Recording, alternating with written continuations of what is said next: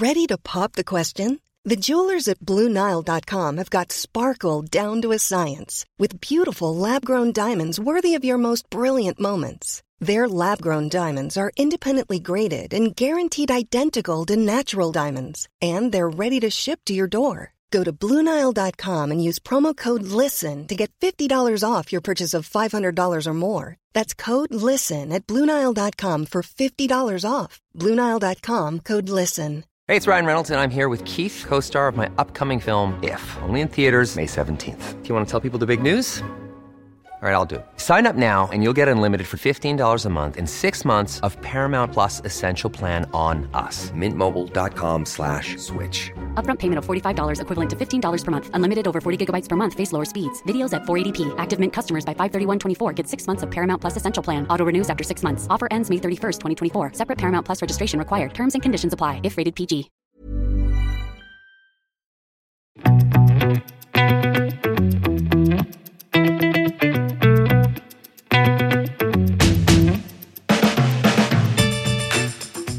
Hei, velkommen til en helt ny episode av Klokkelandslaget, din foretrukne podkast om ur, klokker og armbåndsur. Det er et helt nytt år, og dette er en helt ny sesong. Dette er sesong tre av eh, podden. Jeg og Jon Henrik er eh, samlet under samme tak på Smestad i Oslo. Norge. I Norge. Verdens navel. I dag er tema fjoråret, egentlig. Ja, litt om fjoråret og litt om året som kommer, holdt jeg på å si. Eller Ja. tiden som kommer. En liten oppsummering og noen prediksjoner. Ja. På sett og vis. Jeg tror det blir koselig. Det tror jeg også. Mhm. Hyggelig å være tilbake i studio. Ja. Selv om her vi sitter, har vi jo egentlig spilt inn en episode tidligere. Men det sier vi jo ikke til de som hører på. Vel, nei da. Jo da. Vi er ærlige, vi er transparente på hvordan I motsetning til den sveitsiske klokkeindustrien, så sier vi det som det er. Ja. og det er jo greit. Episodens navn, hva skal vi si, Jon Henrik? Altså, altså ut med det gamle, inn med det nye. Det blir liksom Ja. Ja. Hva er de mest signifikante hendelsene som har uh, skjedd uh, det foregående året? I 2022. Mhm. Nei, det er litt vanskelig. Når man er så tett på det, så er det alltid litt vanskelig å vite det. Men eh, jeg har grublet litt på det, og jeg tror jo lanseringen av eh, Moonswatch er en av de virkelig store hendelsene som vi kommer til å huske. Ja. Vi kåret jo Moonswatch, eller Moonswatch var jo en av de klokkene som vi tok med som årets budsjettklokke, i hvert fall. Ja, eller Jakob fra Klokker eh, Ja. nevnte det. Mm. Jo. Nei, jeg vet ikke om jeg vil gå så langt som å kalle det den beste klokke sånn sett, men, eh, Nei, men, men, eh, det er veldig, en veldig signifikant hendelse, både i form av det med at det er et merkesamarbeid på den måten der, som vi ikke har sett i klokkeverdenen uh, tidligere, Mm. Uh, men også bare den derre Altså den hypen og det Ja. volumet som, som den klokken har generert. Og det at det fortsatt, i hvert fall den, dag vi spiller inn i dag, i desember, at det er kø utenfor butikkene. Jeg tror nok fortsatt i januar at det er en eh, ganske Ja. At folk har lyst på den, da. Helt vilt. Eh, Det har kanskje endret seg litt. At eh, man har ikke lenger den, hva skal jeg si, at det er sånn super, eh, super mangel på klokker i den forstand at man kjøper til mange ganger nypris på Finn, men, eller på eBay eller sånn, men det er jo fortsatt en klokke og, én ting jeg ikke skjønner, jeg skjønner ikke hvorfor klokkeentusiastene klager nå. For nå har jo ting begynt å normalisere seg. Nå er det jo, hvis man syns det er en kul klokke, så er jo nå tiden man kanskje kan ja, ha muligheten til å kjøpe en Ja. til en vanlig pris, da. Jeg, altså, jeg, jeg, jeg er jo på det punktet at jeg, jeg hadde ikke kjøpt en, på en måte, selv om jeg hadde gått forbi en. Nei, jeg gjorde jo ikke det. Men du har allerede kjøpt en, da, tidligere, på en måte, og så ble kvitt den igjen. Og så solgte vi den til en felles klokkevenn. Mm. For det samme som jeg kjøpte den for. Ja, ja, a good man. Ikke en investor. Ikke- For de som uh, ser på YouTube, kan du si at vi har ervervet nye klistremerker som heter hashtag investor. Ja. Hvis du som hører på er sinnssykt keen på en, Ja. så kan vi sikkert fikse det hvis vi møtes på et klokkeevent. Eh, Skal jeg ta med det? Ja. Eller Jon Henrik, da, for den saks skyld. For det blir det kanskje noe av. For det blir det kanskje noe av. Ja, det kommer vi tilbake til. Mhm. Men eh, ja, Moonswatch, jeg syns det er en veldig uh, signifikant event, som Ja. jeg tror uh, man kommer til å huske, og som jeg tror, hvis man skal skrive sånn av de tingene som ja, som har hatt en eh, impact på klokkeindustrien, og som har liksom endret gamet litt, da, så er det en sånn uh, hendelse. Mm. Hva med deg, har du uh, Hva tror du vi kommer til å huske året for? Det, blir- altså, Moonswatch, kanskje boblesprekk. Ja, Skal vi kalle, kaller vi det nå? Boble? At boblen har sprukket? Vet ikke om jeg vil være den som sier det, men Nei, jeg synes det er så mye reaksjoner på det når vi, når vi begynner å bruke sånne begreper, da. mm, ja. Men eh, ja, hadde det vært, hadde det vært eh, finansmarkedene, så hadde man jo kanskje akseptert det som, som det. Ja, I hvert fall på hype-klokkene, ikke sant, som Mm. var hvor eh, kjøperne, eller altså kjøpesiden, ble, ble oppblåst Mm. av eh, kryptospenn. Ja, du tror det er det var? Ja, delvis. Det viser jo det. Vi hadde jo tidlig, altså i fjor så hadde vi jo besøk av, eh, av um, Sotheby's uh, som fortalte at ja, altså disse kryptoinvestorene og sånn har jo forsvunnet uh, delvis fra kjøpersiden. Ja. Og det var jo de som var på utkikk etter disse liksom hype, eller trofé, troféklokkene, da, som vi kaller det. Ja. Um, og ja, Mm. så det, Altså, i hvert fall så vil jo året bli kjent som at det har, vært, det har, vært, det har snudd. Et skifte. Mm. Og vi ser hvor, eh, hvor det går videre. Hvor markant det er, det vil jo tiden vise, ikke sant. Mm. Så jeg tenker, har vi nådd toppen av klokke, klokkeinteressen? Muligens. Kanskje, kanskje. Jeg vet ikke. Ikke for min egen del, liksom, men uh, bare sånn for, for uh, markedet. Nei, det var mange år siden du piket her, nå er det jo bare nedover. Uh... Nei, ikke pokker. Nei, det er bare tøyser. Ikke pokker. Jeg tenker eh, Ja, litt sånn Det blir litt sånn uh, veldig klokkenerdete, da, men uh, dette med høstlanseringer, som jeg syns vi har så mer av nå i året som var, Mhm. at uh, merkene sparte litt på kruttet til, til senere på året. Det har de gjort tidligere også, men ikke, ikke like ikke i like høy grad, vil jeg si. Altså ikke like viktige lanseringer. Mm. Uh, og det håper jeg vi fortsetter med, for det er litt kjedelig at alt liksom er oppbrukt etter Tradisjonelt så var det jo litt sånn at etter SIH og Basel så var det veldig lite snadder igjen, men nå Ja. er det faktisk også litt sånn på Ja, liksom sånn oktober-november uh, Ja. Mm. Noe å glede seg til. Ja, er det, men uh, hadde med Det må jo ha hatt noe med liksom at, at det har skjedd noe på messefronten. Ja, ja. at uh, det var litt usikkerhet når, hvor, hvem, hva. Vil det normalisere seg i, i år, eller eh, 2023? Så tror jeg også det at merkene har begynt å forstå litt mer av det at ja, folk har faktisk lyst på klokkene når, eh, når de leser om det på sosiale medier eller på en blogg eller på Altså, det er da man har lyst på klokken, ikke, ikke Mm. et halvt, halvår eller et år etterpå, sånn som det ofte har vært tidligere. At da holder de rett og slett kanskje litt igjen også for at det skal matche litt når produksjonen er klar, og når eh, når man har eh, muligheten til å faktisk kjøpe klokkene, men også selvfølgelig også styre litt klar av det der med den, den ene uken i Genéve hvor alle slipper noe, Mm. hvor det er vanskelig å, å få noe oppmerksomhet hvis man ikke er liksom de helt største merkene med de beste klokkene, holdt jeg på å si. Best, beste. Eh, Ja. Så nei, det er en ny trend som jeg tror kommer til å fortsette, og som blir spennende å, å se på. Mm. En uh, annen ting som også skjedde litt sånn nå i uh, Tidlig i, eller i midten av desember, var jo dette uh, nyheten om at den sveitsiske kjeden Bukkerer kjøper ja, urforhandleren Klarlund i Danmark, eller i København. Mm. Hvor stor var den butikken i København, da? Ja, altså, hva tenker du i, i, eh, i, i areal? Altså? Areal, størrelse, Ja. signifikanse. Altså, jeg har faktisk aldri vært der. Eh, Såpass signifikant, altså? Nei, men det er den som ligger i den der mest Den populære gaten. I Strøget, eller Ja. liksom i Ja, Mm. stemmer. Og så de har en veldig fin, eh, en fin bygning. Ja, den uh, fra utsiden. Uh, og så har de en ny har Jeg tror jeg har vært inni der, altså. Ny avdeling, som Mm. er litt mer moderne. Så det er to avdelinger, og så har de et serviceverksted som visstnok er Nordens største. Så de har liksom sertifisert serviceverksted Mm. for klokker. Um, om jeg ikke husker feil, så leverte de vel et overskudd på rundt 30-35 millioner danske Ja, kroner i, i fjor. Det er mindre enn Urmaki Bjerke, men, eh, Mm. men det er vel en, en, en fin sammenligning sånn sett. Sånn Urmaki Bjerke, Klarlund er kanskje litt sånn um, sammenlignbar sånn sett. Når du sier i fjor, så var det jo da 2021. Ja, unnskyld. Du snakker 2021. Vi er så tidlig. Er- Hvor mye var det Urban Bjerke hadde igjen? Ja, det var vel nesten 100 eller 90 millioner, Ja. var det ikke det? Mm. Så de er eh, store. Men, men det som er litt spesielt, da, for å si det på den måten, i Danmark, det er jo at Danmark har jo Man har også en kjede som heter eh, Eller en kjede, det er kanskje liksom altså en, en forhandler som heter Velplund, som Mm. også er veldig stor, og som har um, solide merker. Og man har også Bukkerer har jo også operert en egen avdeling på Illum i København, hvor de har en Altså hele klokkeavdelingen der, eller på, som er på første etasje, er jo um, Er det Bukkerer som faktisk har drevet. Um, og så har man også en forhandler som heter um, Ole Mathisen, som også har veldig high end-klokker, men litt annerledes high end. Så det er litt mer sånn det er, en litt, det er, det er ikke så um, høy, like høy konsentrasjon av makt, da, for å kalle det på den måten, som Mm. man har i Oslo med Urmaker Bjerke, som liksom har de, de um, Top brands. Topp, toppmerkene. Ja.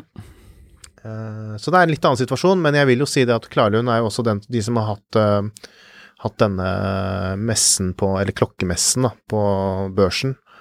Eh, så det er jo litt sånn sammenlignbart med Bjerke og Oslo Watchfair og liksom uh, Nymanns i, i Stockholm, at det er liksom de som har markert seg som den, hva skal jeg si, ledende, ledende forhandleren, da, Mm. sånn i det danske markedet. Så det er veldig spesielt at en sveitsisk, eh, sveitsisk aktør kommer inn sånn, og Bucherer, eh, for de som ikke kjenner til det, så er jo de en veldig stor veldig tung aktør i klokke, på retail-siden i klokkeverdenen. De har um, noen og 30 butikker rundt omkring i Europa. Mm. Eh, de kjøpte nylig, eller nylig, tiden, tiden flyr, men også for noen år siden så kjøpte de Tournant i USA, som også var en veldig Ja. stor kjede i USA, så de har jo rundt 30, noen 30 utsalgssteder der også. Eh, og Bukkerer er kanskje et eh, navn som andre kjenner fra noe annet også, for de har jo et et klokkemerke. Carl F. Carl F. Bukkerer. Som jeg antar da er grunnlegger av, av Bukkerud. Mm. For det er samme logo, ikke sant? Den, eh, Stiliserte rundingen. Jo, men jeg tror de bruker vel ikke den for uh, smykke, smykke- og klokkebutikken, gjør de det? Nei, kanskje ikke. Nei.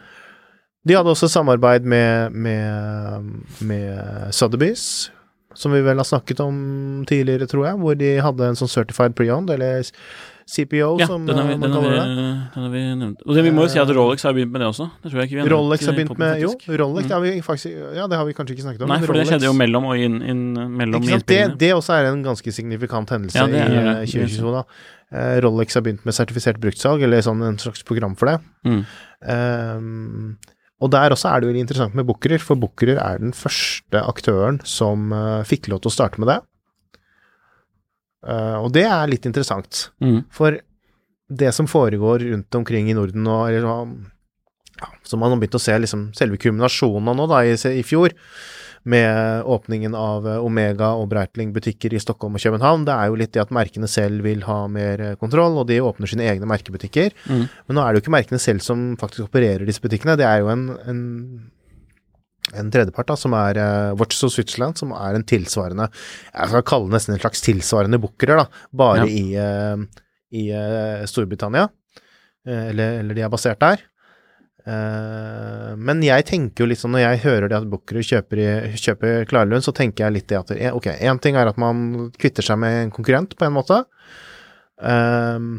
Man øker eksponeringen i, i København, som er en viktig by.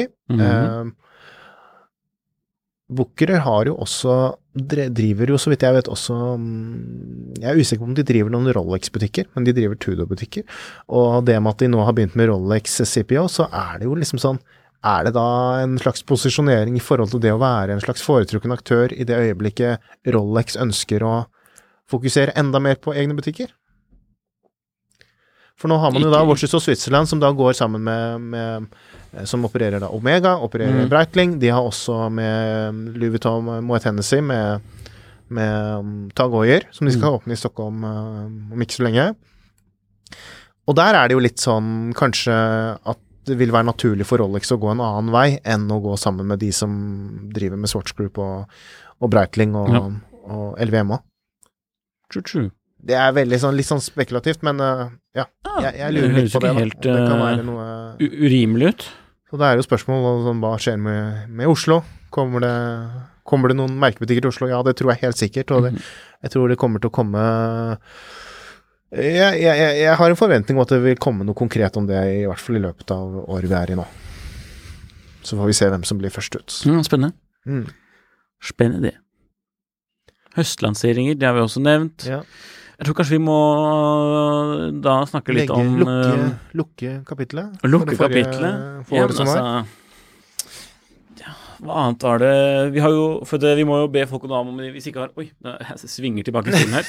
Um, vi, må, vi, må, jo be folk om å lytte tilbake til um, årets klokke. Uh, som vi har nevnt allerede i episoden, mm. uh, for et par episoder tilbake. Uh, sjekk ut den. Det er jo, da går vi litt med, går vi litt litt gjennom trender og sånn, ja. for de som vil høre mer om det. ellers så er jo året ganske nært fortsatt, mm. så ja, det er ikke noe vits i å dvele altfor mye ved det, muligens. Se fremover. Ja. Og hva kan vi se fremover til, Jon Henrik? Jo, det har vi laget en liten oversikt over. Det er faktisk ganske allerede nå, så er det ganske Kan man begynne å markere kalenderen, altså. Mm. Um, neste måned, nesten om, ja, om rundt en måned akkurat. Mm. Um, Oslo Swapmeet, 4. februar.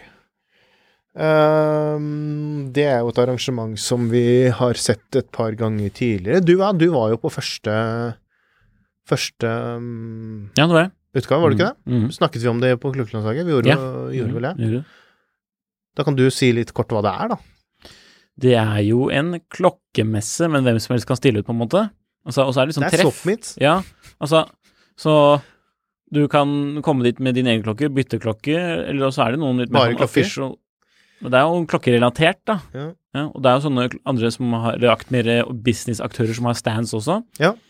Men det er litt mer sånn fasilitert for, eh, for trading innad eh, mellom ja, entusiaster, da Mm. På sett og vis.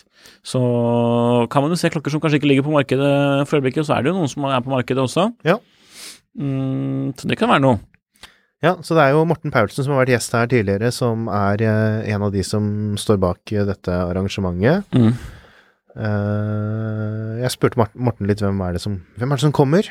Og da er det som du sier, det er jo det at man kan stille der som privatperson og ha med seg remmer og klokker og klokkeetuier og klokkebøker Mm, og diverse. diverse. Og bytte eller å selge og kjøpe. Men så kommer det også noen merker. eh, jeg kan lese opp. Det er, eh, de har noen utenlandske og noen norske. Si- Sightwinkel, Bommesier, Kieser Design, Bruvik, Mm. Jormo, som er finsk merke. Radium, som jo har vært gjester her hos oss tidligere. Doxa og Formex. Eh, Sherpa. Kursus Victus eller Horology Deck, som eh, jo er en av uh, mannen som står bak det, er også en av de som arrangerer. Um, Bragdur.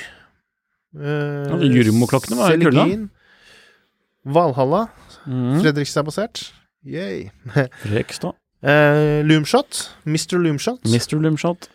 kommer. Han har man jo sett på klokkelandslaget. Ja, eh, han var jo i live-episoden fra Psycho-eventet, ja. Fra Psycho-eventet, Mhm. som en veldig dyktig klokkefotograf. Ja. Så kommer det et kanskje-innslag. Ja, kanskje en dansk Ja, vi bør ikke røpe for mye om det, men en dansk klokkeekspert. Ja. Muligens. Kommer muligens innom. Potensielt. Det var ikke helt avklart. Og det kan hende at dere ser klokkelandslaget også. Ja, det kan også hende. Ja.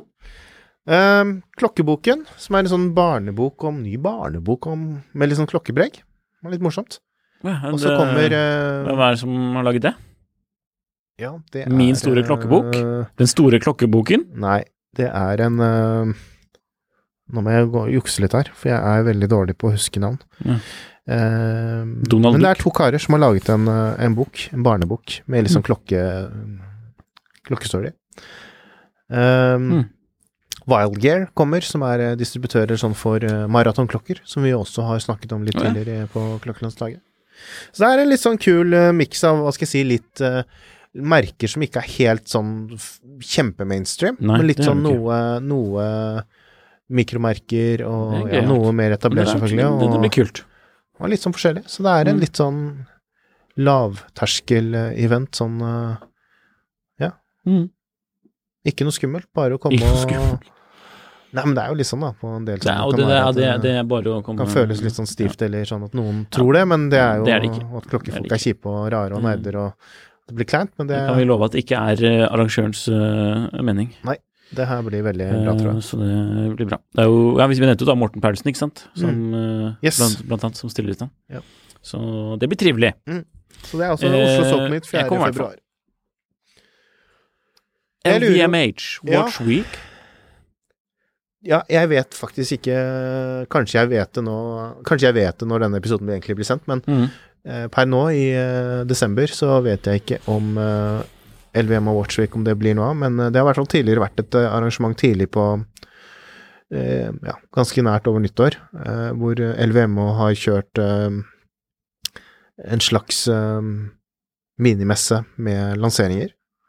Eh, med, og da er merkene i porteføljen, som er Bulgari, Ublå, Tagoyer og Zenit. Så i hvert fall følg, følg litt med, og se om det kanskje kan komme et lite sånn uh, slipp der. Mm. Så Og det har pleid å være ganske solid, liksom sånn i forhold til hva de lanserer. Det er ikke bare samme klokke med blå skive, men også vært en del nye modeller og, og litt sånn. Men uh, det er jo liksom bare en oppvarming, da, for uh, Watches and Wonders, Ja. som i år vil være fra 27. mars til 2. april. Yeah. Skal du? Ja, jeg, jeg regner jo med det. Ja, kanskje jeg kommer meg ned i år også. Det hadde vært Så- veldig spennende for podden sin del. Da. Vi kunne spilt inn mye morsomt der. Det kunne vi. Okay. Uh, utstillerlisten I fjor så var det rundt 38 utstillere. I år så er det flere. Det er 49. Skal jeg lese det opp? Vi har tid. Arlangon Søne, Alpina Angelus, Arnold, Arnolden Sønn, eh, Bomme Messier, Børregård. Børregård, Bellen Ross, Cartier, Chanel, Charles Sober, Chariol, Chopard, Kronoswiss, Cyrus, Chapek, Ferdinand Beto, eh, Fredrik Constant, Grand Seiko, Grønnefelt, Yeah. Otlons, Hermes, Ublå, Ysek, IWC, eh, Gégé Lecoult, Kerbedans, Laurent Ferrier, eh, Louis Monnier, Montblanc, Oris, Panerai, Parmigiani Fleurier, Patek Philippe, Pekinier, Piaget, Rebellion, eh, Ressence, eh, Roger Dubuis, Rolex, Rodis Silva, Speak Marine, Tag Heuer, tri Trilobe, er det det man sier? Det, um, Tudor, U-Boat, Ulysse Nardin, Vachon Constantin, uh, Van Cleef og Zenit. Wow. Veldig bra, veldig bra.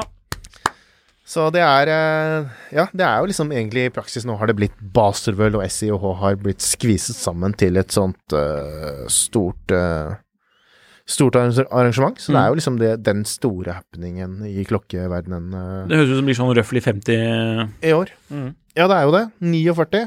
Mm. Hvis jeg Ja. Men hva, det mest spennende er jo selvfølgelig da Rolex. Hva Nei, det er Lang og Døne. Det kommer en ny uh, En ny Odysseus i magnesium. Nei, for det Vi kåret jo Odysseus til eh, Eller var i hvert fall Jon Henriks. Og jeg må si meg veldig enig i at det var liksom en av de kuleste luksusklokkene da, i titan. Ja. Som ble lansert i 2022. Mm. Uh, jeg, har, jeg har veldig lyst på den, altså. Ja, Det hjelper ikke stort, det. Du kan ha lyst på den mye du kan vil. ha sinnssykt på det. Må, det, må, det, er, det er jo tilgjengelighet og pris som er ja. Ja. Jeg vet ikke, Hva slags klokke skal man egentlig kjøpe seg i, i 2023? For eh, jeg er i sånt eh, jeg, For øyeblikket så jeg kunne liksom kjøpt meg en klokke nå. Mm. Men jeg vet liksom ikke hva, for jeg har ikke råd til det jeg virkelig har lyst på. ikke sant? Nei. Og det blir bare sånn derre Det blir jo bare sånn fjaseklokke da, ikke sant? Skal man selge unna? Skal man begynne på nytt? Og så, Ja. Jeg vet ikke. Nei, Kommer det noe bare- nytt som er verdt å vente på fra Rolex eller Tudor?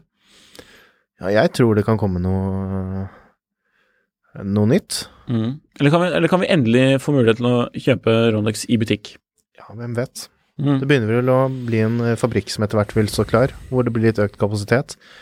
Så Og hvis man da, hvis økonomien går åt skogen, eh, så kanskje det blir bedre muligheter. Ja.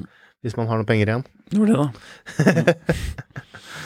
Neida. Det Det, er, det. blir spennende å se. Det er vanskelig å vite nå hva som kommer. Det, men eh, ja, det er en det er fin, eh, fint utvalg av merker, da. Det er jo klart det er en, eh, en forholdsvis høy inngangs... inngangspris på egentlig de fleste merkene her. Det er ingen sånn, hva skal jeg si, det er ingen sub eh, 10 000 kroner merker her. Knapt, finnes- knapt 20 000, vil jeg vel kanskje si. Ja, eh, Mercier har vel noe som er på Alpina, mellom kanskje. 10 og 12 Alpina, 20. Alpina og Fredrik Konstant har vel kanskje ja. noe som er eh, De er vel kanskje de rimeligste av de merkene som stiller ut uh, sammen med muligens uh, For du får den Grønefeld et par tusen, gjør du ikke det? Oris. Mm. Grønefelt. Grønefelt til, uh, felt. til noen uh, De må jo komme med noe kult, da. Det er litt sånn tro på. ja. Men der er de bruker litt tid på å utvikle og sånn, da. Det er- Ja, men ok, hva var det som kom nytt i åra? Det var uh... eh, Krøne Krønegraf. Krønegraf? Ok. Eh, U-båt, de er også litt rimelige ting, da. Ja, U-båt. Ja, mm. Herre min hatt. Ja, Hvorfor min er de, eh, Ja, hvorfor det, er de med i det det er litt sånn odd bunch, holdt jeg på å si. De har jo en klokke som jeg syns var ganske kul, da, som de lanserte for noen år siden. For Big Boy hva den Watch Club, da? eller? Ja, kjempestor. Ja. Mm. Kjempe, kjempestor og kjempekul, men øhm, ja, det, det, de passer ikke helt inn i det selskapet her, føler jeg. Et, en merkevare som jeg har litt, uh, er litt spent på, er Chanel. Hva de kommer med. For de har jo Mm. laget noen kule greier i det siste. De har laget en veldig Eh, kult. Det er jo sånn at de kommer liksom opp på oppløpssiden og utfører kartier litt. Men så har de litt mer sånn, litt mer sånn uh, hautehorologi også, på sett og vis. Ja. Ehm, yeah. Nei, det blir spennende. Jeg digger Chanel. De har flere veldig, veldig fine klokker. Jeg kunne godt tenke meg, ja, faktisk. Spesielt Så- den der, hva heter den sånn Monsieur Chanel. Hæ? Ja, ja. Den uh, firkantede rektangulære, Mm. ikke sant? Very nice. Uh, eller sa jeg feil nå? Er det boyfriend, Nei, da, boyfriend, altså, boyfriend, for, watch, er det, eller Boy, boyfriend Nei, jeg husker sånn, ikke. Ikke, ikke søk, jeg søker. Jeg søker. Ok, Det er så håpløse navn. Ja, det er den firkanta. Det er boyfriend, ja, sorry. Ja. Men så er det også den, den andre Den, som du snakket snakker om, den runde. Den jumping, ja. Ja, Jumping Hour. Den er også sinnssykt nice. Ja. Så Begge de to er jo helt eh, Altså den uh, boyfriend watch i um, safirglass, takk. med, Ja, med, med skeleton, ja. Mm. ja. Uff, den er nice, ass. Uff. Den er sykt nice. Den uh, Og så er det For de er jo også nå Hvis noen som ikke har hørt på oss før, og som kanskje ikke har studert klokkene til Chanel så mye, så tenker man liksom å, Chanel-klokker, hva er det, liksom? Men uh, Chanel er jo en del av eh, De eier en del av uh, Kenissi, som er uh, urverkprodusenten til uh, Tudor. Tenk det, dere. Tenk det. De samme som lager Eller, ja, Og uh, norske har jo fått tilgang på det ja? norske. Ja, var det ikke Nei, nå sier jeg feil. Ja, det tror jeg du gjør. Ja. Det hadde vært litt uh... Ja, nei, nei, nei. nei. Ja. Ja, ok. Shame. Nei, nei, Ja, nå sier du feil. Nei. Mm, Ja, ja. Eh, men eh, jo, men også Jo, de har Kenissi, da, på en litt sånn der Hvis man tenker på litt sånn der eh, mer, hva skal jeg si, bruksverk, for å kalle det ja. Og så har de uh, Gautier, som er sånn veldig autologeri uh, indie watchmaker. Mm. Uh, Roman Gautier. Romain. på high end-biten, hvor de har investert der også. Så Og de har jo som egentlig kult å se, er jo altså, den ene broren i Akrivia, som går for seg selv. Ja. Skal du prøve deg Hva, Nei, jeg, jeg, heter jeg han? tør ikke å uttale navnet, for øh, det blir feil. Ja.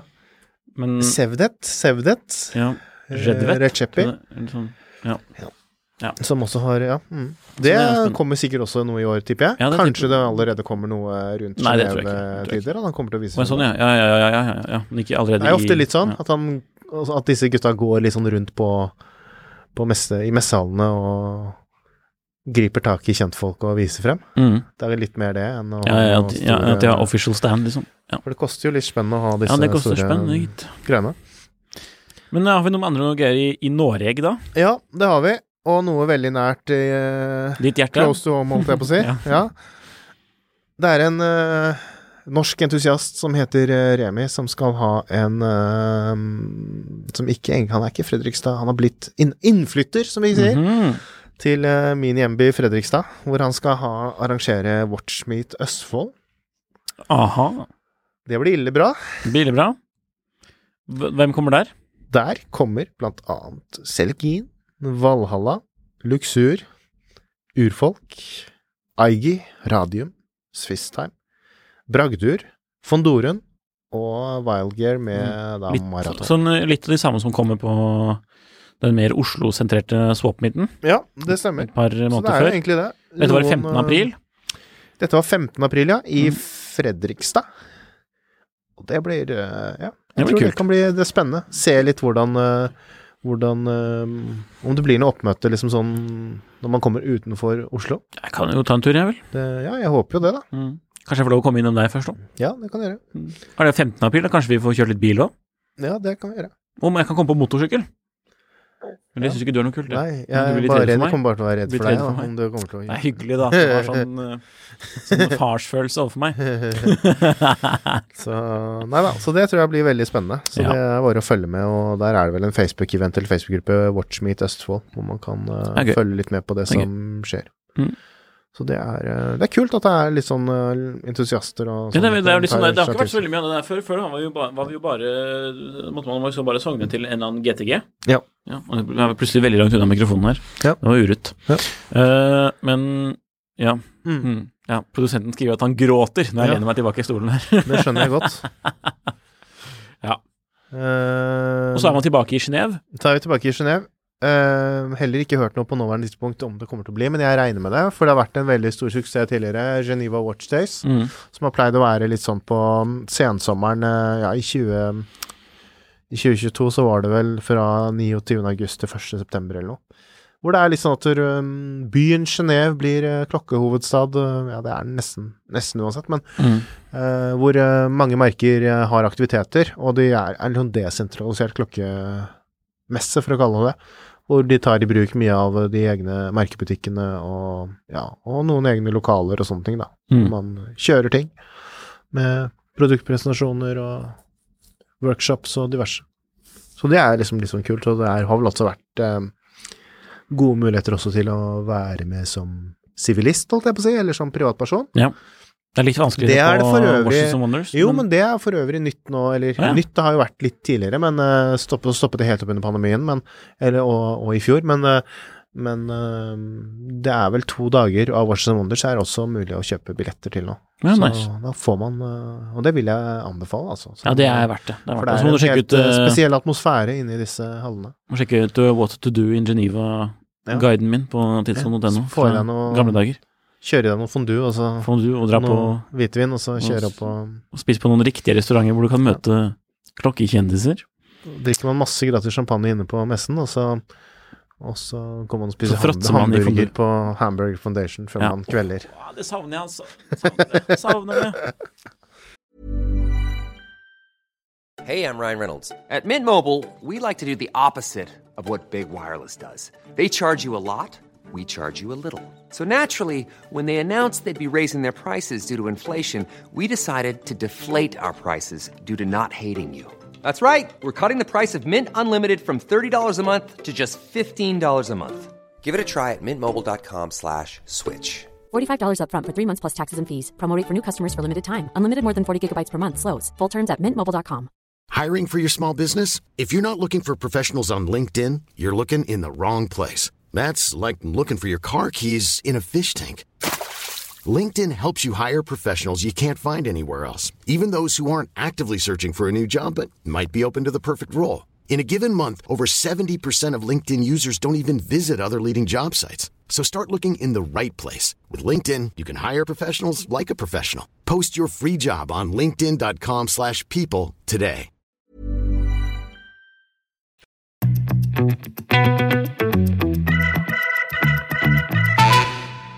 Men en ting vi eh, nesten vet helt eh, som Ja, jeg vet ikke om dato Jeg tror ikke datoer har blitt kommunisert ennå, men dette her har vel mer eller mindre bekreftet, så vidt jeg har forstått. Eh, Oslo Watchfair eh, var jo i 2021 og kommer tilbake i 2023.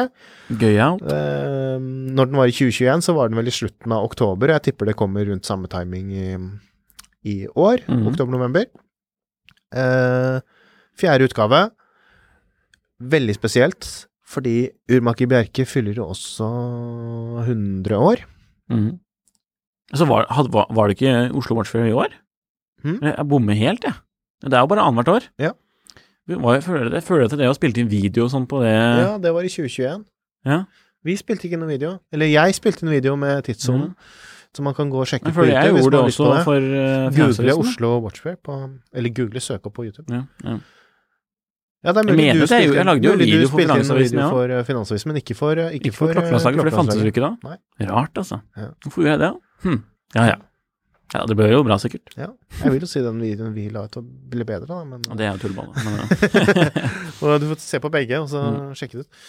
Nei, så det, Nei. det kan jo bli veldig bra. Jeg syns Mm. jo det er veldig fint. Uh, veldig hyggelig event. Mm. Veldig eh, mye fine merker, fine klokker, fine folk. Eneste som er litt sånn litt eh, negativt, er at jeg syns ofte det er litt sånn korte Det går over så Det er, det er så kjapt. Er sånn. Du har lyst har liksom, mer tid? To timer eller hva det er man får Mm. i en sånn slott. Så kunne sikkert vært dobbelt så lenge. Ja, du får legge inn et ønske om det, da.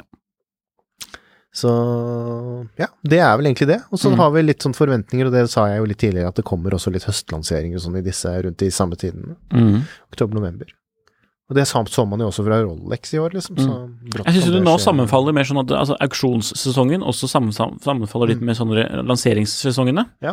på en måte. Mm. At det er på vår. Men det er og- vel litt at man har skjønt at faktisk nå er det litt ekstra fokus på klokker. At man Ja, men så er det litt sånn at det er sånn det skjer noe i Genéve, da, Ja, ja. da, da slipper vi noen ur. Og GPHG også, liksom. Sånn. Yes, GPHD.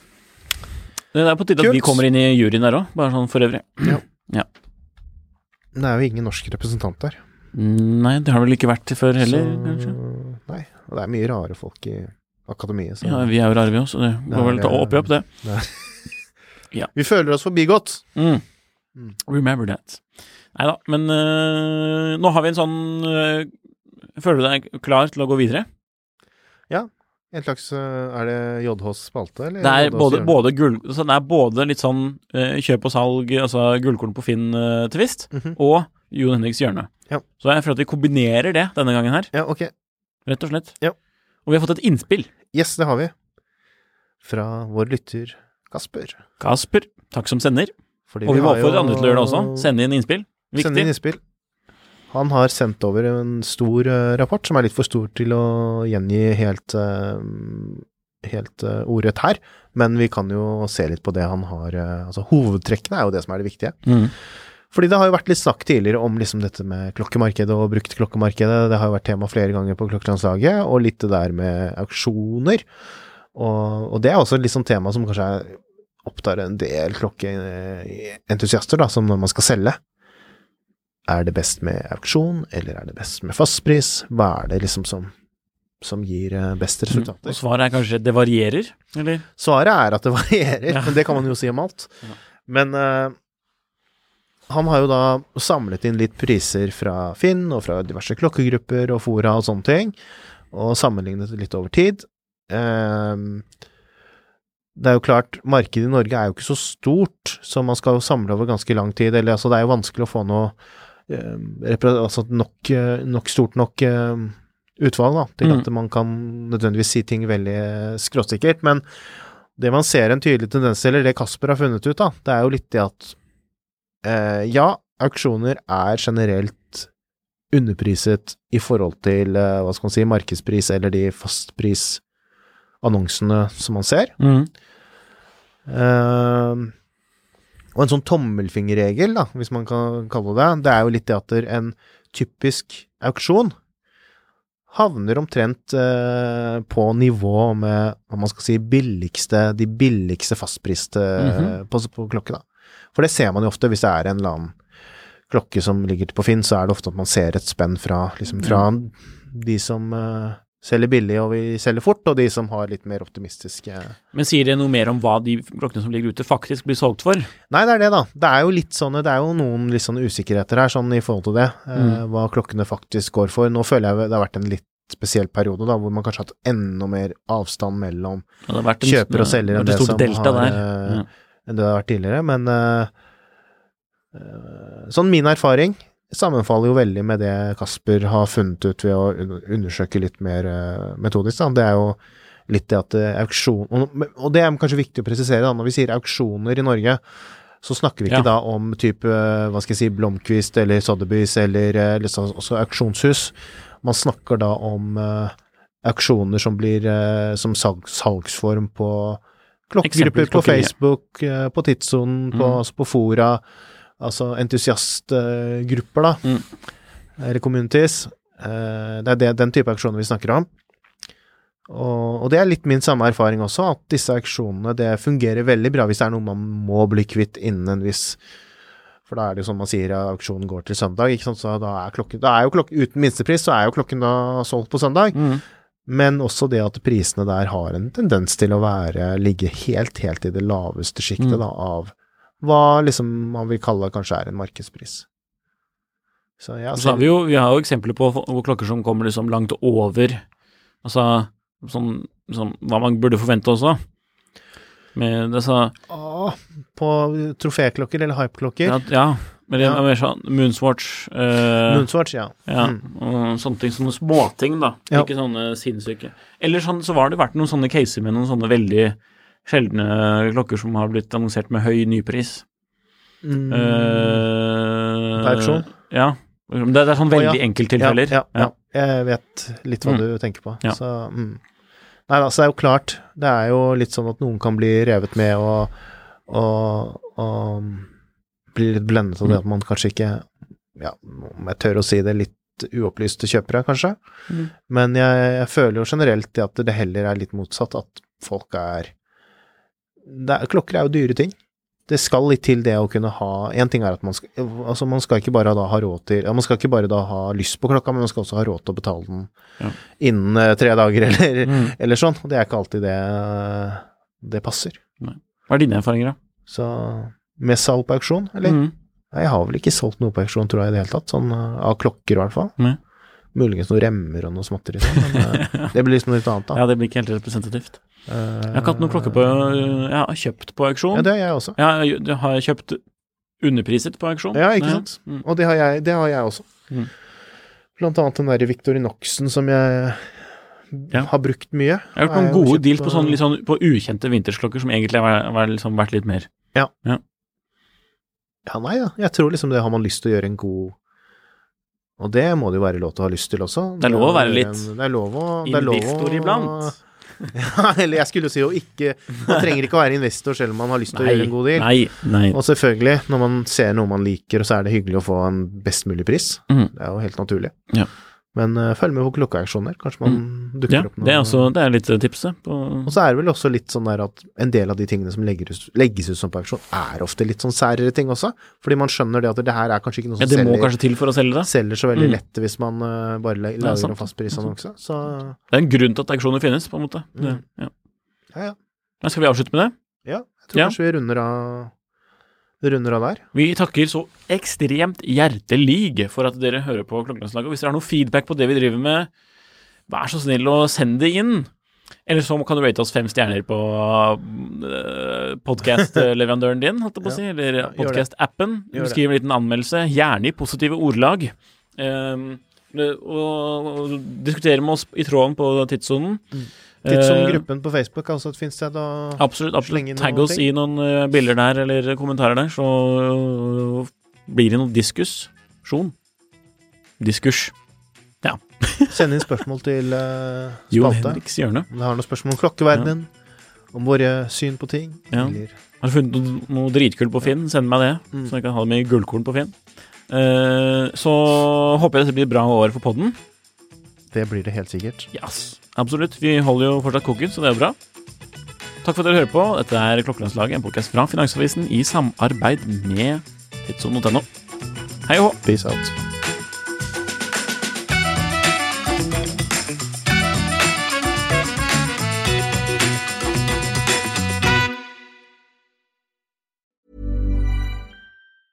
Even when we're on a budget, we still deserve nice things. Quince is a place to scoop up stunning high-end goods for 50 to 80% less than similar brands. They have buttery soft cashmere sweaters starting at $50, luxurious Italian leather bags, and so much more. Plus, Quince only works with factories that use safe, ethical, and responsible manufacturing. Get the high-end goods you'll love without the high price tag with Quince. Go to quince.com slash style for free shipping and 365-day returns. Klokkelandslaget er en Finansavisen-podkast i samarbeid med Tidso. Programleder er Nicolai Giel og Jon Henrik Haraldsen. Produsent er Lars Brenden Skram. Podkast- og videoansvarlig er Marius Mørk Larsen. Og ansvarlig redaktør er Trygve Hegnar.